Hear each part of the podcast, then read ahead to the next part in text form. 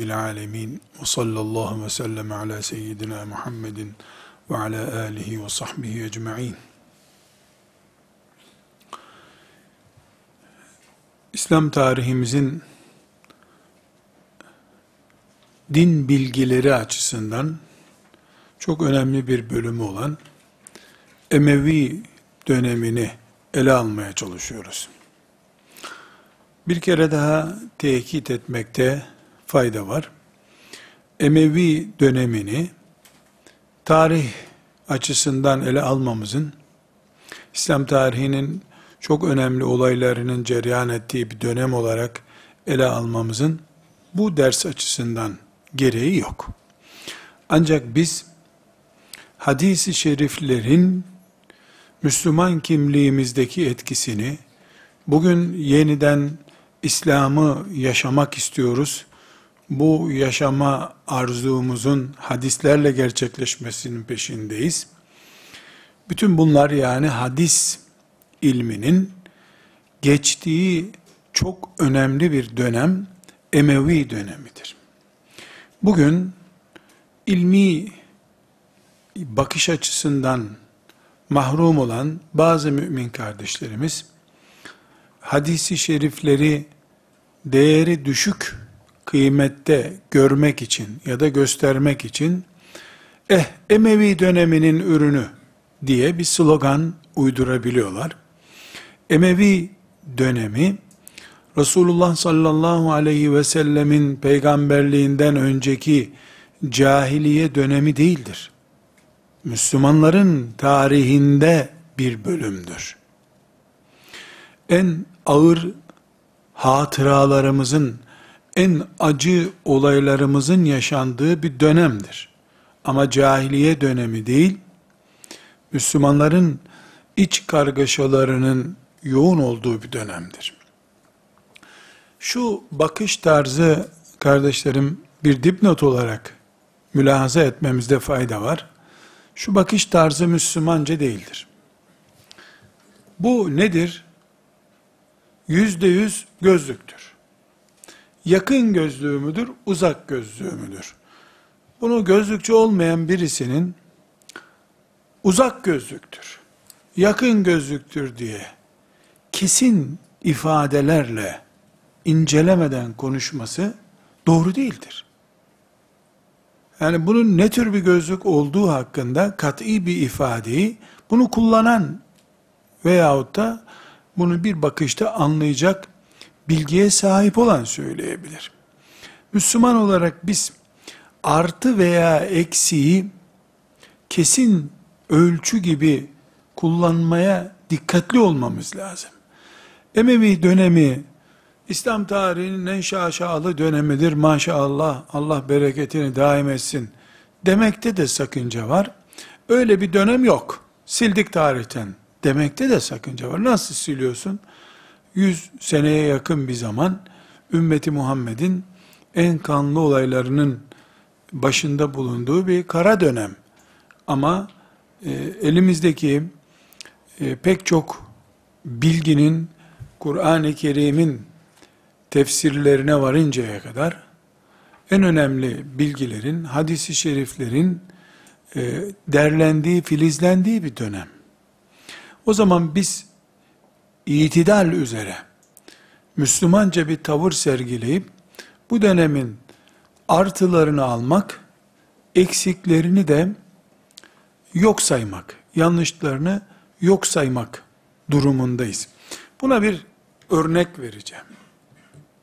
Siz de dikkat ediyorsunuzdur. Sık sık Zehebi'den örnekler zikrediyorum.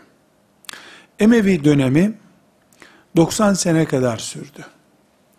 Bu 90 senenin 20 senesi yani hemen hemen yüzde yirmisi yüzde yüz Haccac İbni Yusuf Es-Sakafi denen bir adamın kontrolünde oldu. Adam halife filan olmadı ama e, Irak eyalet valisiydi. Yani kesti, doğradı. Onun sayesinde de Emeviler bir 50 yıl daha devlet sahibi oldular hemen hemen. Yani Emevi devletini e, ayakta tutan e, güçlü isimlerden demeyeceğim. Belki de Emevi devletinin var olma nedenlerinden biridir. Haccac İbni Yusuf Es-Sakafi.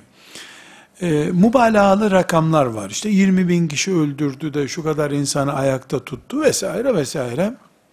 Hiçbiri bunların önemli değil. Abdullah İbni Zübeyir'i öldürdü. Yani ashab-ı kiramdan bir insan öldürdü bu. Bizim Karadeniz lehçesinde eskilerin kullandığı bir benzetme vardı. Ağzınla kuş yakalasan, yani böyle ağzını açıyorsun, kuşlar ağzına düşüyor. O kadar böyle büyük maharetlerin olsa işe yaramaz denir. Yani ne olursa olsun sahabi katili olarak dirilecek. Tabiinin büyüklerinden Said İbni Cübeyr'i öldürdü. Bu çok büyük yani on binlerce insan öldürdü.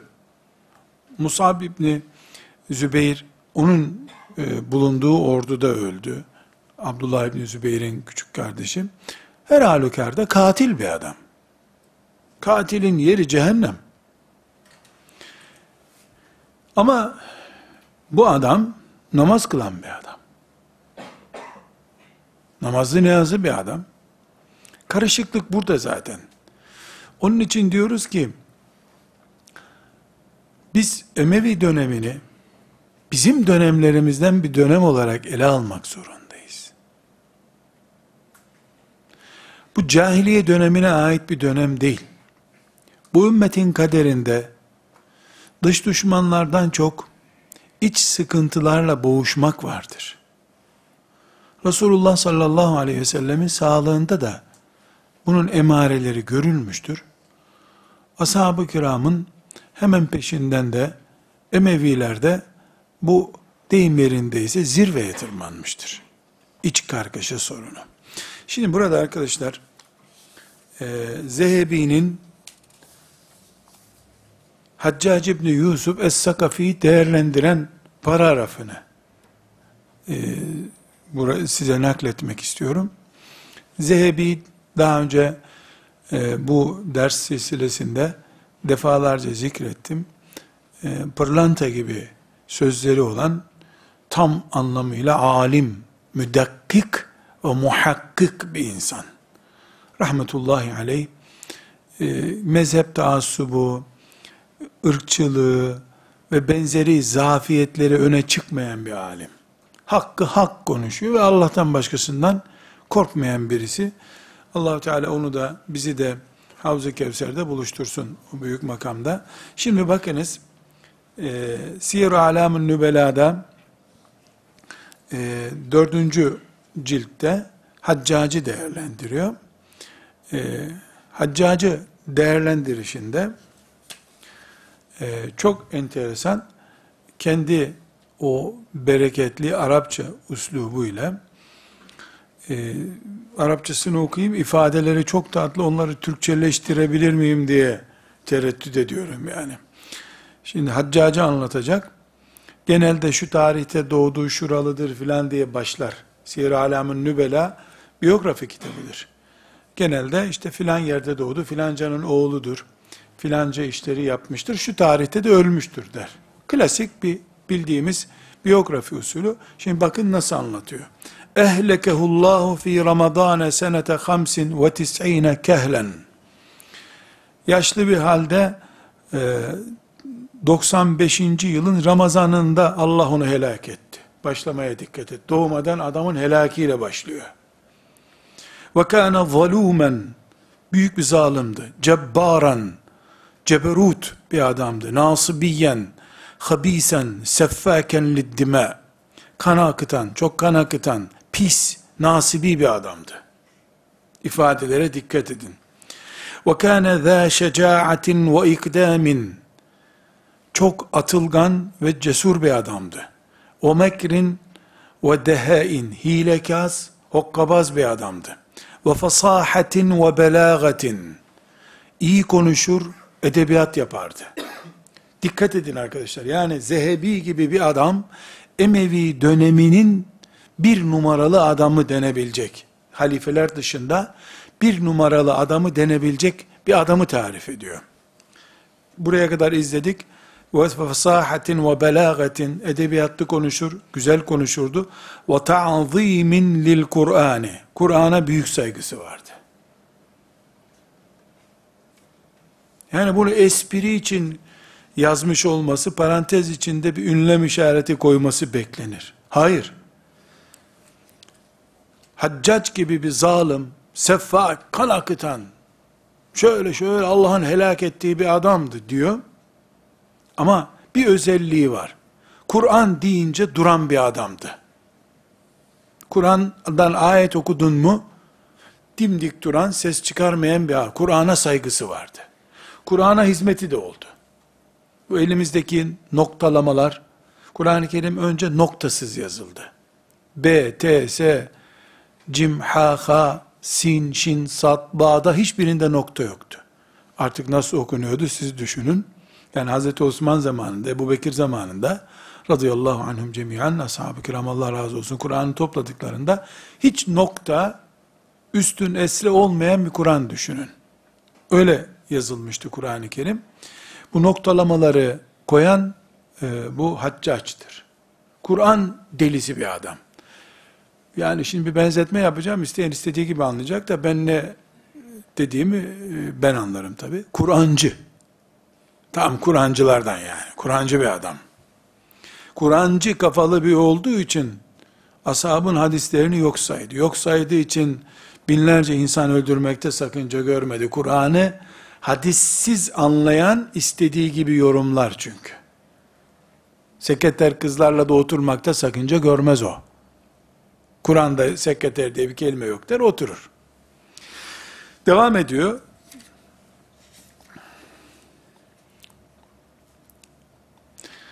İbn Zübeyir'i Kabe'de öldürdü. Kabe'ye mancınıkla saldırdı. Harameyn, Mekke, Medine halkına saygısızlık yaptı. Doğu ve Irak'a 20 yıl valilik yaptı. E, fakat sonra devam ediyor. Ömrünün sonuna doğru namazların vaktini geçirmeye başlamıştı diyor. Yani öğle ezanı okunuyor, ikindiye doğru kılıyormuş namazı. Ondan da helak olacağı anlaşıldı diyor. Yani zalim bir adamın akıbeti namazları vaktinden geciktirmek olarak sonuçlanmış. Bundan da bir nasihat yapıyor Namazı vaktinden geciktirme riski konuşuyor. Sonra devam ediyor. فَنَسُبُّهُ وَلَا نُحِبُّهُ Ona söveriz ve asla sevmeyiz. Bel nubghiduhu fillah. Allah için ona düşmanlık yaparız. Fe inne zalike min evseki ural iman. Onu bu şekilde hakaretle, sevmeyerek, düşmanlık yaparak anmamız en güçlü iman ilkelerimizdendir. Allah için düşmanlık yapıyor haccaca. Sahabeden birini öldürdüğü için. Devam ediyor. وَلَهُ حَسَنَاتٌ مَغْمُورَةٌ fi behri zunubihi. Onun günah denizinde kaybolmuş bir sürü sevapları da var ama. Yani çok sevap işleyen de bir adam. Ama işlediği sevaplar onun koca günah okyanusunda kaybolup gitti. Ve emruhu ilallah. Allah'a salarız. Hakkında konuşmayız. Kafirdi, mümindi demeyiz. Ve lehu tevhidun fil cümleti. Ehli tevhiddendi. Yani mümin olduğunu kabul ediyor. Ve nudaraun min zalemetil cebabirati vel umara. Onun gibi zalim ve cebbar adamlarla dolu dünya zaten diyor. Burada kardeşler Müslümanca bir tavır görüyoruz. Bütün kötülüklerini en ağır cümlelerle ve nesubbuhu onu söver sayarız. Yani sövme, ana baba sövme demek değil. Tahkir ederiz yani. Hain, hayvan ne biliyorsak deriz. Bütün bu ifadeleri kullanıyor. Fakat Allah için konuşan biri olarak adam namaz kılıyordu diyor. En büyük kabahati de namazın vaktini geciktiriyormuş bir miktar. Kazaya bırakmıyor ama. İlk vaktinde kılmıyor. Zehebi'ye göre zaten büyük günahlardan biri bu. Yani öğle ezanı okundu, hala bir saattir kılmadı öğleyi. Ne kadar kötü adammış. Biz ikindi okunmadan kıldın mı zaten evliyadan sayılıyorsun bizde. Şimdi burada e, Zehebi'nin rahmetullahi aleyh haccacı tanıtımını niye aldım? Emevi döneminin en popüler zalimidir. Emevi dönemini, Emevileri batmaktan kurtaran da odur. Abdullah İbni Zübeyir biraz sonra belki değineceğiz. Abdullah İbni Zübeyir Mekke'de İslam devleti kurdu.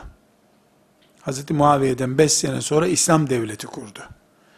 Bildiğimiz İslam devleti ve ashab-ı kiramın da desteğini, yaşayan sahabelerin desteğini alarak İslam devleti kurdu. Eğer Haccac, Abdullah İbni Zübeyir'i harem-i şerifin içinde namaz kılarken öldürmeseydi, bugün biz Emevi dönemiyle devam etmeyen, büyük ihtimalle Abdullah İbni Zübeyir'in orijinal hilafet dönemiyle devam eden bir İslam devletinin uzantısı olacaktık. Allah bilir ya. Sesa, cak cak olarak söylüyoruz. Yani olsaydı, olacaktı manasında söylüyoruz. Yoksa olmadı öyle bir şey. Abdullah İbni Zübeyir'in devleti uzun devam etmedi. Burada kardeşlerim, çok e, dikkatli konuşmak istiyorum. Bol keseden konuşmanın bir yararı yok kimseye. Emevi'yi sayıp sövüp atıyorsun Emevi devletini. Ömer bin Abdülaziz'i çiğniyorsun o arada. Hikmeti ilahi, o bataklıkta, o kan denizinde Allah'ın hikmeti değil mi? Ömer bin Abdülaziz gibi 5. Raşid halife yaratıldı. Bugün insanlığın hayal etmekte bile zorlanacağı iki buçuk yıla yakın bir zaman yaşattı ümmeti Muhammed'e. Telaffuzunda bile insanın duygulandığı bir dönem. Attın mı Emevi dönemi diye silip attın mı Ömer bin Abdülaziz'i nereye koyacaksın? Ömer bin Abdülaziz'i hadi diyelim ki işte kural dışı diyeceksin. Eğer Emevi dönemini kökten silip atarsan, İran'dan e, doğuya ve kuzeye doğru olan, bugün Müslümanların namaz kıldığı İslam devletleri, Endülüs, batıda da Endülüs, Afrika'da Mısır'ın e, batıya doğru olan Libya, Tunus, Cezayir, Fas bölgesi, aşağıya doğru Nijerya olan bölgesi, Emevili müca Emevi mücahitlerinin kılıçlarıyla fethedilip İslam toprağı oldu. Yok Emevi dediğin dakikada sana o toprakların sahipleri gelip tamam demek ki biz gasp edildik tazminatımızı ödeyin. Buralar tekrar putperest devlet olsun deme hakları olacak. Bir şeyi kökten kabul etmek de zehir olabilir. Kökten reddetmek de zehir olabilir. Müslümancası bunun Zehebi'nin yaptığı gibi yapmaktır. Senin derdin Allah rızası ise, Allah'ın şeriatı ise, Allah'ın şeriatına uygun olanı alırsın, Hüseyin'i katledenleri de Allah'a salarsın. Bu kadar basit. Hayır, illa ya bizim takım ya da hiçbir takım olmasın der gibi, futbol takımı tutar, destekler gibi, tarihin bir dönemini kökten alıp desteklersek, bu mümkün değil. Dikkat ediniz kardeşlerim. Cahiliye döneminde bile, cahiliye ne demek? Resulullah sallallahu aleyhi ve sellem'den önceki şirk dönemi demek. Kökten, kökten berbat bir dönem. Yani insanların hangi suçu işlediklerini söylemeye bile gerek yok. Ölü bir dönem. O dönemde bile Varakat İbni Nevfel iyi adamdı diyoruz. Yani cahiliye bataklığından bile 2-3 kişi çıkarıp alıyorsun. Ezan yok, namaz yok, peygamber yok, hayır yok, her şey bela. Çocuklar öldürülüyor. O dönemden bile Varakat İbni Nevfel iyi adamdı. Beş tane hanif kimse vardı. Diyoruz bak. Abdülmuttalip o dönemde müşrikti ama e, çok değerli bir insandı diyoruz. Ne dedi Ebrehe'ye? Bana develerimi ver Kabe'yi sahibi düşünsün dedi. Yani demek ki Kabe'nin sahibi diye bir anlayışı var. E, bu cahiliye döneminden bile üç tane beş tane iyi adam çıkarıp alabiliyorsak, Emevi dönemi ki namazlı dönemdi. En zalimleri bile sabah namazı kaçırmamış adamlar bunlar. İşin garipliği burada zaten. Biz bunları toptan atsak ne olur, toptan kabul etsek ne olur? Çıkarırız içinden Ömer bin Abdülaziz'i, alırız tertemiz bir insanı. Ee, bundan sonraki derste inşallah zikredeceğim bir sürü alim, pek çok sahabi, o dönemde söz sahibi, iş sahibi, e, etkinlikleri var. Büyük bir kaos, bu fırtına yaşanmış. O fırtına arasında Allah'ın salih kulları da var. Kökten atmak doğru değil.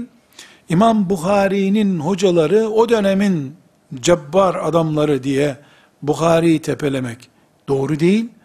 Müminsek biz mümince yaparız. Cahiliye döneminden bile iki tane üç tane iyi adam çıkıyor da Emevi döneminden 200-300 tane Buhari gibi büyük adam ya da Buhari'nin hocaları gibi büyük adam niye çıkmasın? Ne var bunda? Allah yani Firavun'un sarayında Asiye'yi saklıyor da Emevilerin sarayında büyük alimleri saklasa ne olur? Zor mu Allah için? İlla Müslüman olarak biz hep negatif bakmak zorunda mıyız? Hiç iyi bir şeye bakmayacağız mı? Hayır, adil olacağız. Emevi döneminin rengi kızıldır. Renk olarak. Kanlı bir renk. Hiç çare yok. Belki Muaviye radıyallahu anh'ın ilk iki e, e, onluğu yani 20 yılı, ondan sonraki e, Ömer bin Abdülaziz'in iki senesi, yani böyle 20-25 sene toplam temiz, bembeyaz dönem olabilir. Öyle zaten. Ama ilke olarak kırmızı ağırlıktadır. Kan rengi ağırlıktadır Emevi döneminde. Fakat e, bu ağır kırmızı rengin içerisinde tertemiz, bembeyaz, e, Allahu Teala'nın muhlis kullarının bulunması da mümkündür. Said İbni Cübeyr gibi bir alim, Allah dostu bir insan haccacın elinde ölmüştür. Onun gibi tabiinden olan pek çok insan da haccaca ders okutmuşlardır. Bir karışıklık var ortada. Bu karışıklığa parmağımızı veya dilimizi sokmamızın ne yararı var? Sorguladığımız budur. Bu e, mülahazalardan sonra arkadaşlar hızlı bir şekilde Emevi dönemini özetlemek istiyorum tekrar. Dedik ki Ali bin Ebi Talib radıyallahu an 40. yılda şehit edildi bir sabah namazında. Şehit edilince müminler topluca Hasan bin Ali bin Ebi Talib radıyallahu anh'ı müminlerin halifesi seçtiler. Mutlu oldu müminler. Sevindi herkes. Yani çünkü Ali'nin seçilmesine işte Muaviye itiraz etti vesaire bir sürü dedikodu olduydu. Hasan gönül birliğiyle peygamberin torunu başımıza geçti diye yani belki de e, bir bilgim yok yani zanla söylüyorum. Nice insanlar sevincinden kalbi durmuştur o gün. Peygamberin torunu başımıza geçti diye. Yani ben olsaydım herhalde e, nabzım filan sıfır olur heyecanımdan yani. Mutlu, mutluluk bu kadar olur. Peygam bu kadar faciadan sonra peygamberin torunu müminlerin başı oldu. Fakat beş ay sonra gitti Hasan radıyallahu anh devleti olduğu gibi Muaviye'ye teslim etti. Böylece Muaviye ümmeti Muhammed'in meşru bir lideri oldu. 41. senede. Muaviye 19 e, sene 3 e, ay veya 19 sene 4 ay kaba rakamlarla 20 sene Müslümanların başında halife olarak kaldı. Muaviye sahabi olduğu için ve ashab-ı kiramın yaşayanları tarafından da gayet iyi tanındığı için Resulullah sallallahu aleyhi ve sellem ona Kur'an yazmayı görev olarak teslim ettiğini herkes bildiği için Muaviye dönemi her ne kadar Hasan radıyallahu anh'ın dönemi gibi yani herkesin yüzünün güldüğü bir dönem olmasa da Müslümanlar liderimizdir, başımızdır deyip Muaviye'yi sahiplendiler radıyallahu anhum cemiyen. E, bu yaklaşık 20 sene Müslümanların nispeten huzurlu senesi oldu. Fakat 60. E, yılda e, Muaviye radıyallahu anh e, vefat edeceğine dair işaretler anlayınca yani rahatsızlandı, yaşlandı. E, oğlu Yezid'i yerine geçirmek istendi, istedi. E, burada arkadaşlar birinci halifeyi ashab-ı kiram seçti. İkinciyi Ebu Bekir seçti. Ömer'i yerime bırakıyorum dedi. Üçüncüyü kurul seçti. Dördüncü zorunlu şartlarda seçildi. Beşinciyi müminler seçtiler. Tıpkı Ebu Bekir'e dönülmüş oldu. Altıncı atama ile geldi.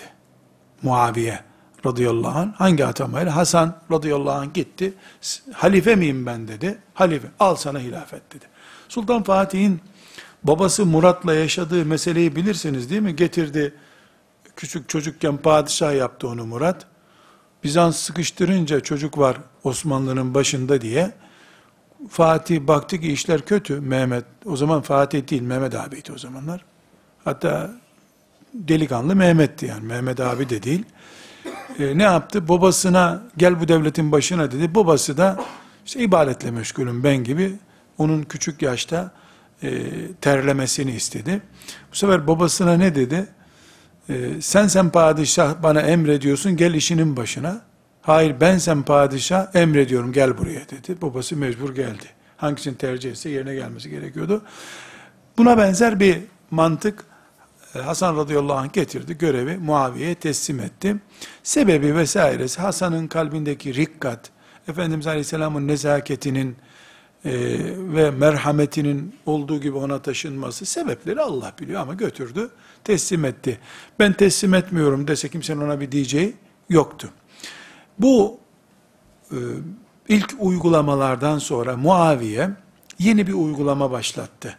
Oğlu Yezid'i kendinden sonra halife yapmak istedi. Şam'daki e, ileri gelenleri topladı. Herkes e, tamam dedi. Zaten niye yok desinler ki Muaviye güçlü bir isim. E, Yezid de babasının oğlu bir delikanlı, sahabi değil. Sahabilikle bir ilgisi yok. E, ama yani bir delikanlı, e, bir saray çocuğu belki de denebilir. E, Medine-i Münevvere ise ashab-ı kiramın e, yaşayanlarının büyük oranda bulunduğu bir yerde. Muaviye e, radıyallahu anh Medine'den e, beyat et, istedi. Beyat ne demek? Siyasi e, tercihini göstermek demek. Yani Muaviye'ye beyat etti, Muaviye'yi lider kabul etti demek. Yezid'in Muaviye'den sonra e, babasının yerine halife olmasını isteyip o da kabul ederse beyat etti denir. Yani ölür ölmez Muaviye seçim filan yapılmadan e, halife Yezid olacak. Şimdi kim halifeyi seçiyorsa, halife seçme hakkı e, kimde ise onlar ciddi bir şekilde oy hakkına sahipler. Sağlığında oğlunu yerine vekil bırakmayı denedi. Ömer'den bu istenmişti daha önce. Ömer radıyallahu an bir kurban yeter size bir aileden demişti. Oğlunu yerine koymadı herkes istediği halde. Ali radıyallahu an illa Hasan yerimde olsun diye bir vasiyette bulunmadı.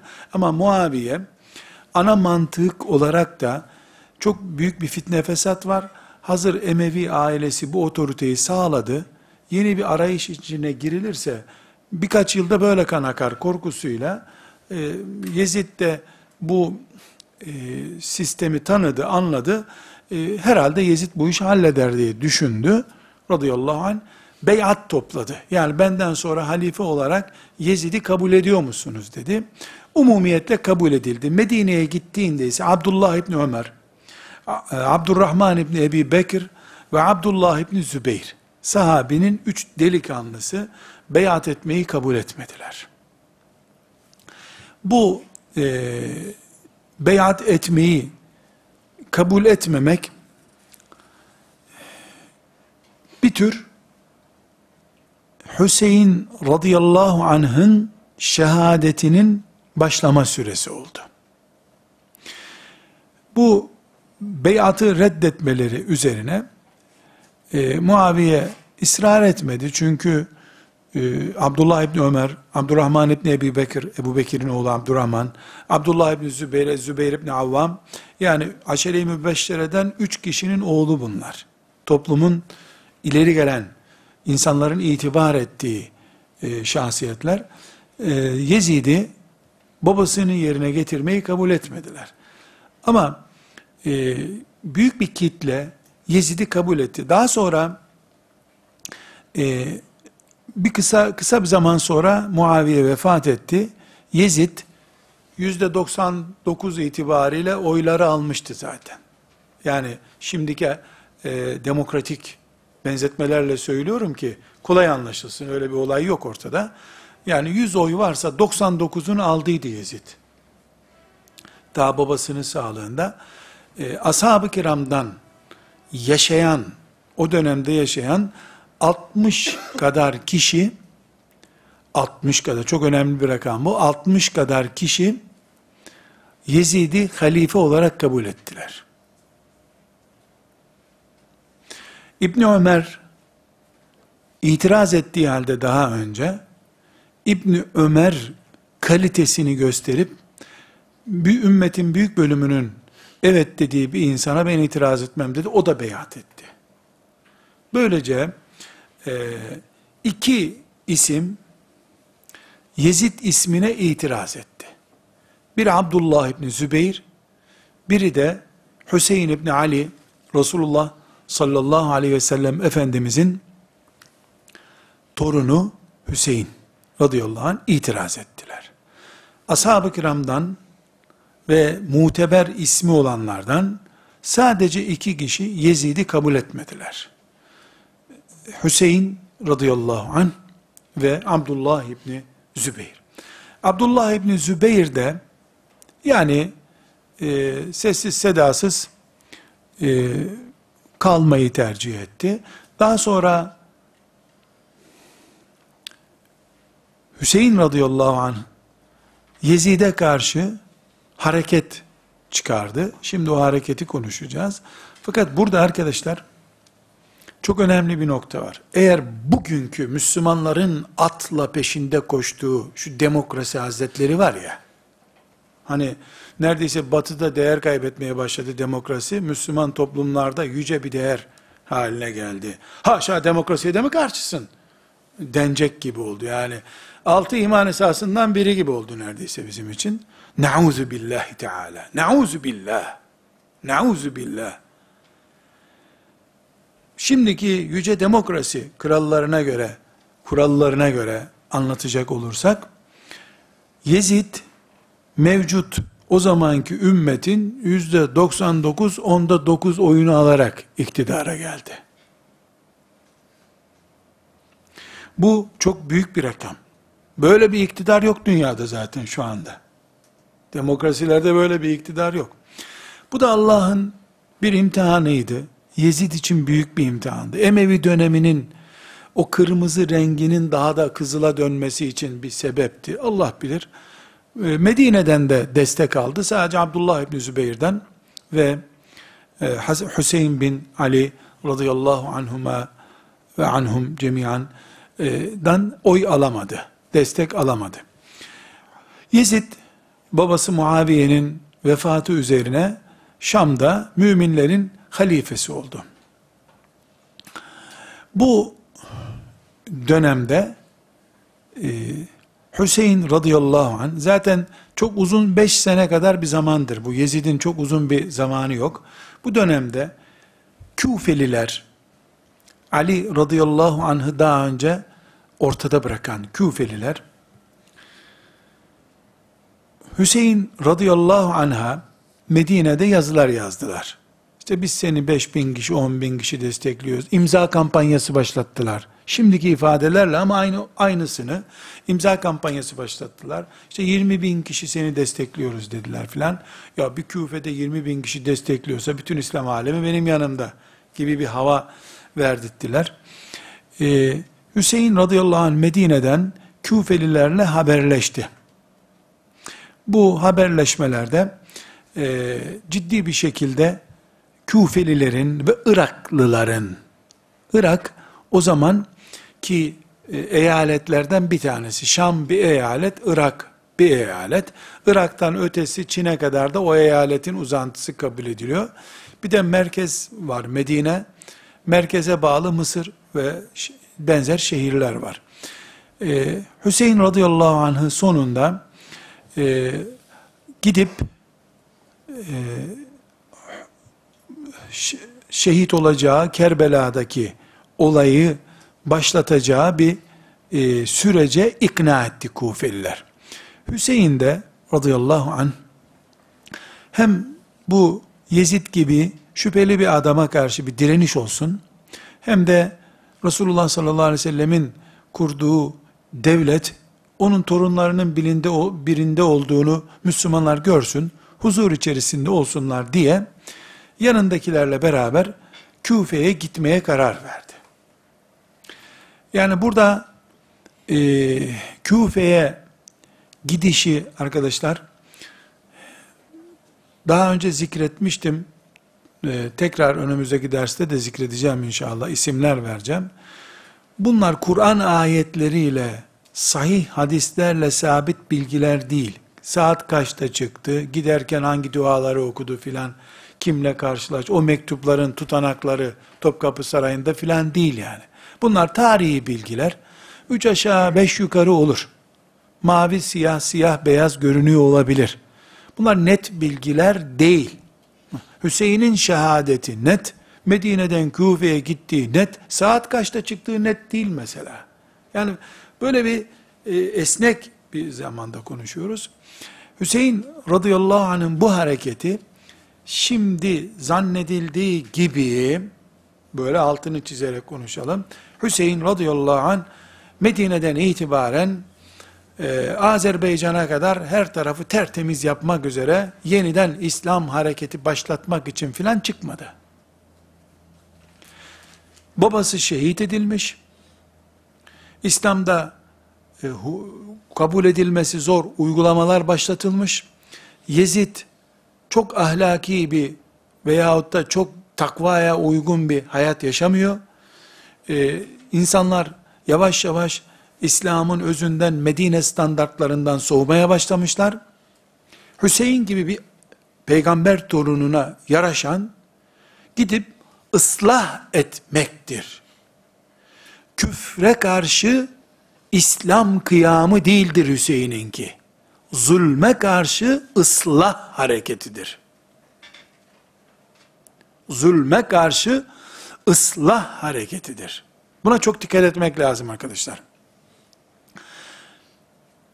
Neden zulme karşı ıslah hareketidir diyoruz? Çünkü biraz önce dedik ki bizim dengeli ölçülerle konuşmamız lazım. Hüseyin'in karşısındakiler bizden birileri. Şeytana uyup tarihin en ağır cinayetlerini işlediler. Küfür, şirk kelimesini üzerlerine yapıştırmak çok kolay değil. Ama bir zulüm var zalimlikte Firavun'u yakalamışlar. Böyle bir zalim kadro Hüseyin'inki iman hareketi değildir. ıslah hareketidir. Eğer buradaki ince çizgiyi ciddi bir şekilde çizmek istiyorum arkadaşlar. Biz hadislerle diriliş dersindeyiz.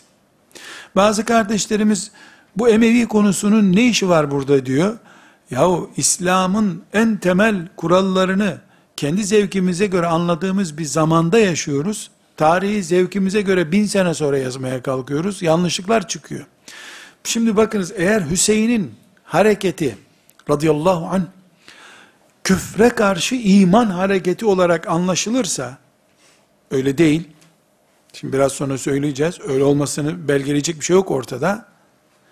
Bugün şurada burada namaz kılan adamları gidip oturdukları koltuk üzerinde vuran gençler, Müslüman kıyımı yapan gençler, küfre karşı yaptık bunu diyorlar, cuma namazı kılan adamları bombalıyorlar camide. Çünkü yapılan ancak kafire karşı yapılır. Hüseyin radıyallahu anh'ın yaptığı zulme ve şeriattan kopuşa karşı ıslah hareketidir diyoruz. Bu ıslah hareketi ise ölçüleriyle yapılır. Nitekim Kerbela'ya geldiğinde Hüseyin radıyallahu anh Küfeliler biraz müsaade edin argo konuşayım sattılar onu. Daha önce babasını sattıkları gibi.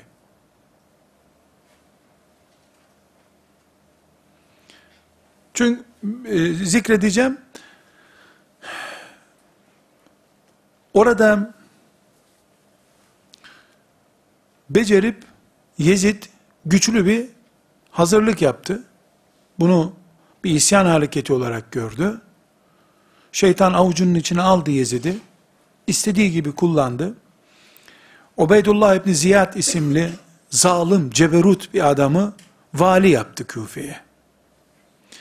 Bu da şöyle bir gözdağı verir gibi ilk başta e, Hüseyin radıyallahu anh'ın oradaki temsilcisi amca çocuğu Müslüm İbni Akil'i öldürdü. E, Peygamber aleyhisselamın torununun amca çocuğunu öldürdüğünü görünce, Ubeydullah'ın bunu öldürdüğünü görünce Küfeliler baktılar ki papuç pahalı. Hepsinin acil işi çıktı. Hepsinin acil hastası oldu. Hanımı doğum yapacak oldu hepsinin. Hepsinin ülseri çıktı. Hepsinin tansiyonu yükseldi o gün. Hüseyin'e radıyallahu anh randevu verdikleri yere gelmediler. Hüseyin yanında işte Medine'den kaç kişiyle çıktı diyelim 100 kişiyle en kalabalık. Yani yanında torunları, hanımı, cariyeleri vesaire 100 kişiyle çıktı diyelim. Ki o meş'um yere geldiklerinde baktı ki kimse yok burada. Tek başına kaldı. Ee, yanındakilere dedi ki burada bir katliam yapılabilir.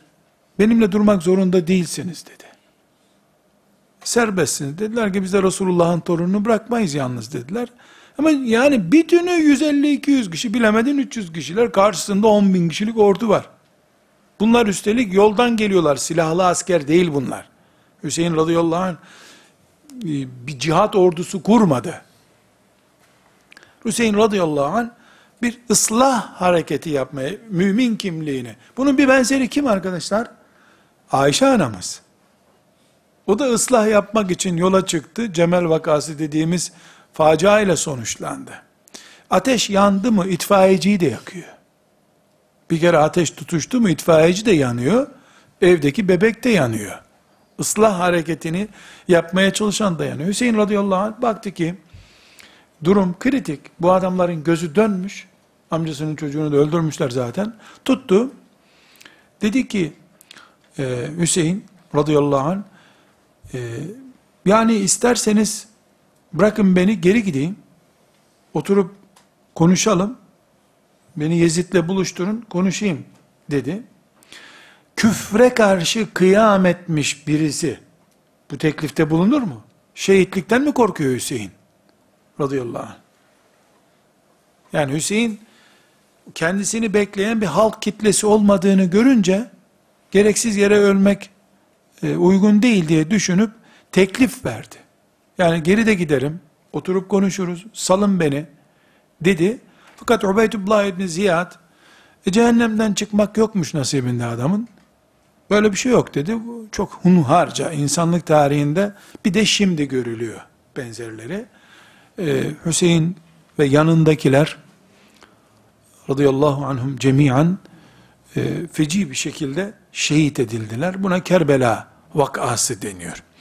10 Muharrem hicret takviminin Muharrem ayı 10'unda hicretin de 61. senesinde bu olay vefat e, etti. Muaviye ne zaman vefat etmişti? 60. senede vefat etmiş. Ondan çok kısa birkaç ay sonra Hüseyin radıyallahu anh bu büyük faciada şehit oldu. Burada arkadaşlar tekrar ediyorum bu cümlem belki de e, taassubu din edinmiş için ya da ümmetin tarihinin kanlı gitmesinin menfaatine olduğunu zannedenler için acıyı tazelemenin sevap olduğunu zannedenler için ters olabilir. Hüseyin radıyallahu anh küfre karşı İslam ordusu kurmadı. Zulme ve tuğyana, şeriattan tavize karşı ıslah hareketi başlattı. Bu ıslah hareketinde de muvaffak olamadı. Ama tarih yazdı gitti. Yazdığı tarih inşallah ümmeti Muhammed'e ders olmuştur. Nedir bu ders? Yani gözü döndü mü siyasetçinin, Hüseyin de takmaz alimallah. Gözü dönmeye görsün siyasetçinin.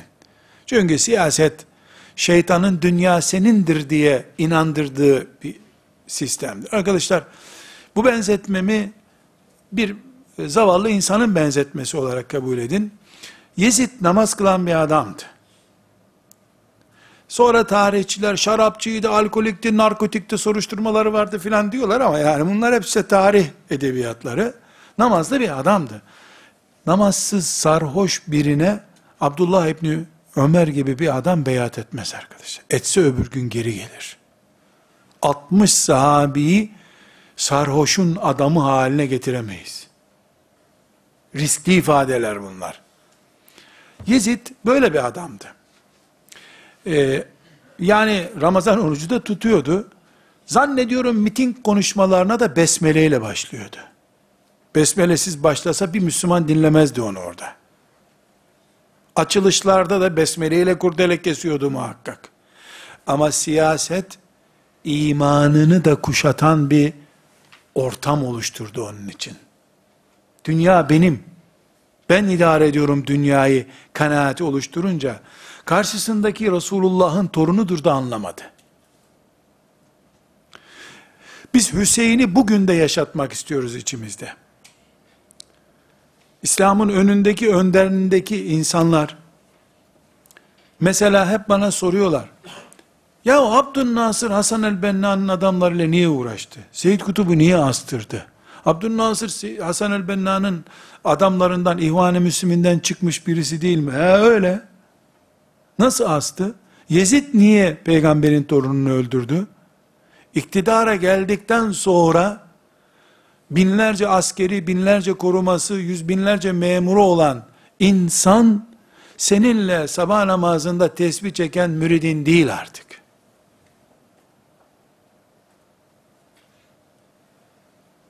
Siyasetçinin korkusu başka bir korkudur.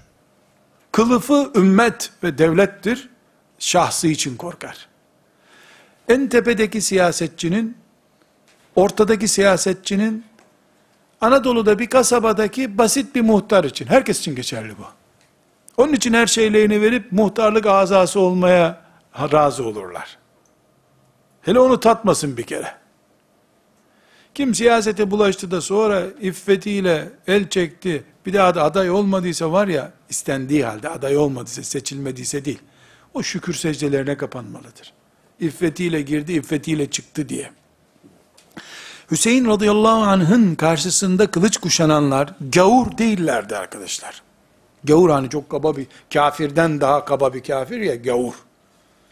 Çünkü bir zamanlar biliyorsunuz bu topraklarda kafirlere gavur dememe uygulamaları vardı. Çünkü kafir nazik bir kafir, gavur çok kötü bir kafir.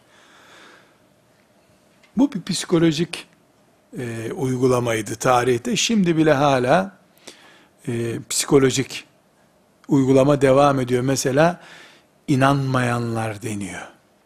Kafir la ne inanmayanı? Kafir. Kafir başka bir şey. Mümin ve kafir. İnananlar, inanmayanlar. Yok öyle bir şey. Müminler ve kafirler. O zaman da bir psikoloji vardı arkadaşlar. Bu siyaset psikolojisidir. Yezid'i sarhoş eden rakı, alkol değil bu siyasetti. Çok genç yaşta ve çilesini çekmediği, babası gibi çilesini çekmediği bir devletin başına geçti. Kıymet bilmesi gerekmiyordu onun için. Bundan biz ders çıkarıyoruz. Bu dersi özellikle mütalaa ediyorum. İşte Abdülnasır niye Seyyid Kutub'u zindanlarda çürüttü? Aynı cemaatten çıkmışlardı onlar ama Abdülnasır siyasetten bal yemişti. Şimdi de aynı şey geçerlidir. Dün beraber yediğin içtiğin arkadaşların tutuklanma kararını, celp kararını gönderir sana. Hiç tereddüt etme. Hazır ol. Tanımıyorum der. Yok ya biz beraber değildik der. Diyebilir. İnsanlığın bahtında bu vardır. Mümin her türlü iklim şartlarına hazır olmadıkça iyi bir İslam yaşayamaz zaten. Kaliteli bir Müslümanlık her iklim şartına hazır olmayı gerektiriyor. Hüseyin radıyallahu anh Medine'den çıkacaktı. Ee, yani niye çıkacak? Islah hareketi için çıkıyor. Ee, o zaman yaşayan ashab-ı kiramın uzantıları, genç nesli, yani genç sahabiler o zaman yaşıyorlardı. Ve en başta kendi kardeşi e, Muhammed bin e, Muhammed İbnül Hanefiye diye bir kardeşi var. O hepsi topluca e, karşı çıktılar. Mesela isimlere bakıyorum. Abdullah İbni Abbas, daha önce babası Ali ile beraberdi. Abdullah İbni Ömer, Ebu Said el-Hudri, Cabir bin Abdillah, bunlar dikkat edin ashab-ı kiramın ağır isimleri, büyük isimleri. Muhammed İbni Hanefiye de Hazreti Ali'nin çocuğudur. Ee, kardeşi Hüseyin'in ama anne farklı tabi. Ee, bu Fatıma'dan olan çocuğu değil yani. Bu isimler en başta olmak üzere asla gitmemesini tavsiye ettiler. Gitme dediler. Babana merhamet etmeyenler sana hiç etmezler dediler. Babanı satanlar seni de satarlar. Çok çıkış yaptılar. Fakat Allah'ın yazdığı kader bir kere tecelli edecek. Ettiğini tekim Hüseyin ikna olmadı. Git çıktı. Ee, bu dönemde e, çok hunharca bahsettiğimiz facia meydana geldi. Ee, Allah o günün şehitlerine rahmet eylesin. Şehittirler. Peygamber torunu oldukları için değil. Birisi birisinin torunu olduğu için şehit olmaz. Ümmetin içinde bir ıslah hareketi yapmak, şeriattan, raydan çıkışı düzeltmek için yapılan bir hareket, bir ordu hareketi olmasa bile bir ilim hareketidir. Önderliktir bu. Bu onun kıymetini, kadrini küçültmek de değildir. Haşa. Yani Hüseyin radıyallahu anh o hareketi yapmasa da cennet gençlerinin efendisiydi zaten. Yaparak artısı oldu.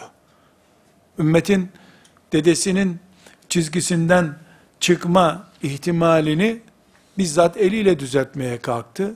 Allahu Teala onu onun kaderine yazmadı. Başka bir e, süreç yazdı. Yazdığı da tecelli etti. Burada hicretin 61. E, senesinde Muharrem'in 10'unda bu büyük facia meydana geldi. Bu faciada e, çok büyük zayiat yani bugün burada veya yarın başka bir yerde ümmeti Muhammed'in unutamayacağı bir yara oldu. Evet yüz binlerce insan belki hunharca öldürüldü ama hiçbiri peygamberin torunu değildi. İsim büyük isim. Bu nedenle de yara çok büyük bir yara. Radıyallahu anh. Onlar da katiller de Rablerine gittiler. Nasıl gittiler, nasıl geldiler? Yani onu Allah biliyor. Burada bir değerlendirme yapmak istiyorum arkadaşlar.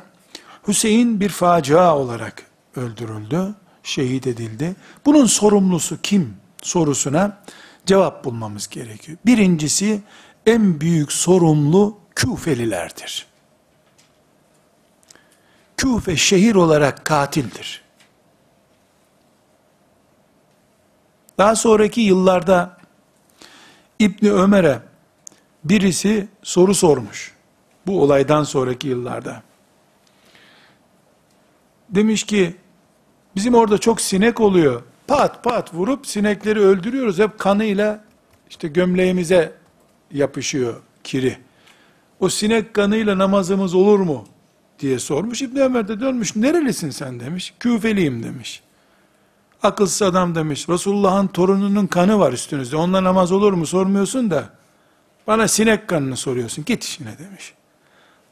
Radıyallahu anhum cemiyan. Yani bu bir tabi başka bir manada espri bu. Yani Küfe şehir olarak katildir. Söz verdiler, pahalı görünce pabucu bırakıp kaçtılar. Bedelin, onlar bedavadan Hüseyin'le biz şaşa oluruz. Yeni kurulan devlette görevler alırız. ihaleler bize kalır filan herhalde düşündüler. Baklar ihale mihale kalacağı yok. Kaçtılar. Şehir olarak, o zamanın şehrini tabi konuşuyoruz. İkinci olarak Ubeydullah İbni Ziyad, vali küfesidir. Ee, Hüseyin radıyallahu anh'ı şehit etti, vali olarak emretti. Ee, ve aynı zamanda Resulullah sallallahu aleyhi ve sellemin akrabalarından olan, yani e, kuzenlerinden olan diyelim, Müslim İbni Akil'i öldürdü. Hüseyin'in oradaki temsilcisiydi. Ee, üçüncü katil, Amr ibn Sa'd ibn Ebi Vakkas'tır. Amr İbni Sa'd İbni Ebi Vakkas. Sa'd İbni Ebi Vakkas'ın çocuğu arkadaşlar. Bahta bakın ki bu Hüseyin'i öldüren birliğin komutanıydı. Hüseyin'i çok iyi tanıyordu, niye geldiğini iyi biliyordu. Hüseyin beni görüştür siyasetçilerle dediğinde o görüşmeyi bile sağlamadı. Sadece süper kahraman olarak geri dönmek için babasının anlı şanlı şöhretini ayaklar altına aldı. Sa'd ibn Ebi Vakkas ilk onu Müslümanlığın. İslam'ın ilk onu. Bu faciayı bir hatıra olarak zikredeyim. Kalabalık bir hoca toplantısında işte memleket durumu konuşulurken hoca efendilerden biri dedi ki arkadaşlar dedi herkes çocuklarının ne yaptığını da söylese olur mu dedi tanışıyoruz orada. Ama dedi bir şartla çocuğu kendi konumunda mı onu da söyleyecek.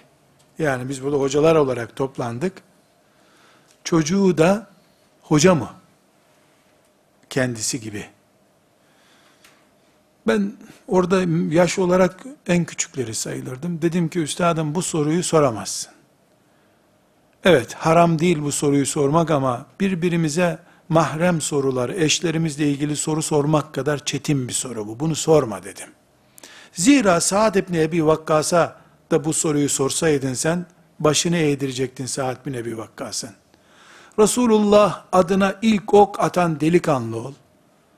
Sana Resulullah sallallahu aleyhi ve sellem, anam babam feda olsun sana diyecek kadar sevsin seni, oğlun da torununu öldürsün. Var mı dünyada böyle bir bahtsızlık ya? Bu Ömer İbn Saad İbn Ebi Vakkas çok ağır bir hata işledi. Çok ama. Keşke doğmasaydı bu dünyada da Hüseyin'i öldüren ordunun başında o olmasaydı. Ama unutmayalım, babaya göre değil bu işler, evlada göre de değil. Evlada göre değil. Sa'd ibn Ebi Vakkas'ın babası da Sa'd ibn Ebi Vakkas değildi. Ne dede ne torun.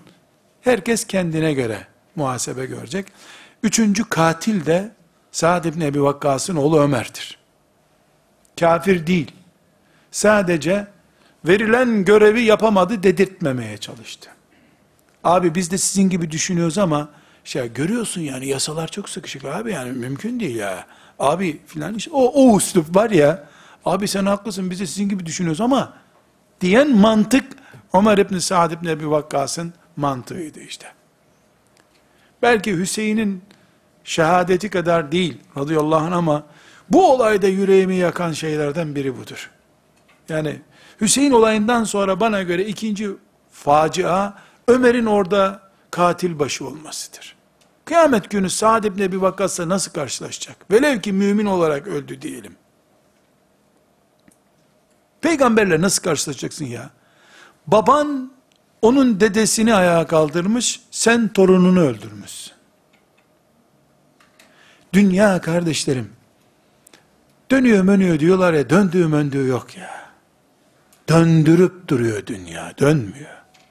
Bizi döndürüyor. Şu ağlanacak hale bakalım. İşin garibi, oldu bitti böyle bir facia diyemiyoruz. Müslümanlar hala bundan ders almamış gibi, hala Sa'd ibn Ebi Vakkas'ın çocukları, peygamberin torunu olacak kimselere kuyu kazıyor. Hasbunallah Hasbunallah ve ni'mel vekil. Dördüncü e, katil, baş katil Yezid'dir. Muaviye'nin oğlu Yezid'dir. Hüseyin'in şehadet haberi Yezid'e ulaştırıldığında bayram etmedi. Yani başımı belaya soktunuz, böyle mi dedim ben size filan gibi tepki gösterdi. Tarihi kayıtlar böyle. Bu, evet, Ubeydullah, yani Küfe valisi, zalimlik yaptı, kraldan kralcı oldu, esnek davransaydı, e, hiçbir zaman Yezid öldürün Hüseyin'i demeyecekti. Esnek davranmadı. Yani tedbir alın sözünü öldürün olarak uyguladı. Yetkisi vardı öldürdü ama Yezid kıyamet günü Hüseyin'in katili olarak dirilmekten kurtulamaz. Hiç çaresi yok. Ne babası Muaviye olduğu için kurtulur, ne ümmet onu affedecek kıyamet gününe kadar, ne de, ne de Hüseyin'le karşılaşabilecek kıyamet günü. Allah muhafaza buyursun. Dileriz ebedi cehennemde kalmaz. Ona da Allah'ın rahmetini dileriz gene. Yezid esasen çok güzel isimdir. Bereketli, artan insan demek. Bir Allah kulu çocuğuna Yezid ismi vermiyor bir daha. Bu kadar uğursuz, bu kadar soğuk bir isim olur mu tarihte? Neredeyse Firavun'a bile isim taklidi yapılacak. Mısırlılar mesela Firavun kelimesinden gocunmazlar. Ama Yezid kelimesi kara bir kelime olarak tarihe kalmıştır. Burada yeri gelmişken Yezid'le ilgili ehli sünnet ulemasının görüşünü de tespit etmekte fayda buluyorum. Üç kelimede Yezid'i özetleyebiliriz. Hüseyin'in katili Yezid'i diyorum. Radıyallahu anh. Müslümanların krallarından bir kraldır demişlerdir. İyilikleri ve kötülükleriyle Allah'a gitti demişlerdir. Kafir değildi demişlerdir. Hassas ifadelere dikkat ediniz arkadaşlar. İyi Müslümandı demiyor. Müslümandı da demiyor, kafir değildi diyor. Burada bir sorun var arkadaşlar. Yezid İstanbul'un fethine gelen ilk ordudaydı. Efendimiz sallallahu aleyhi ve sellem de Konstantiniye'ye fethe giden ilk ordu mağfur ordudur diyor. Yani Allah'ın mağfiret buyurduğu ordudur diyor. Zor iş ve selam. Burada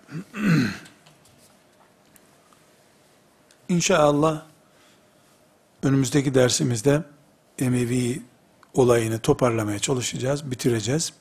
İnşallah alimlerin hadis ilminin bilhassa nerede durduğunu göreceğiz.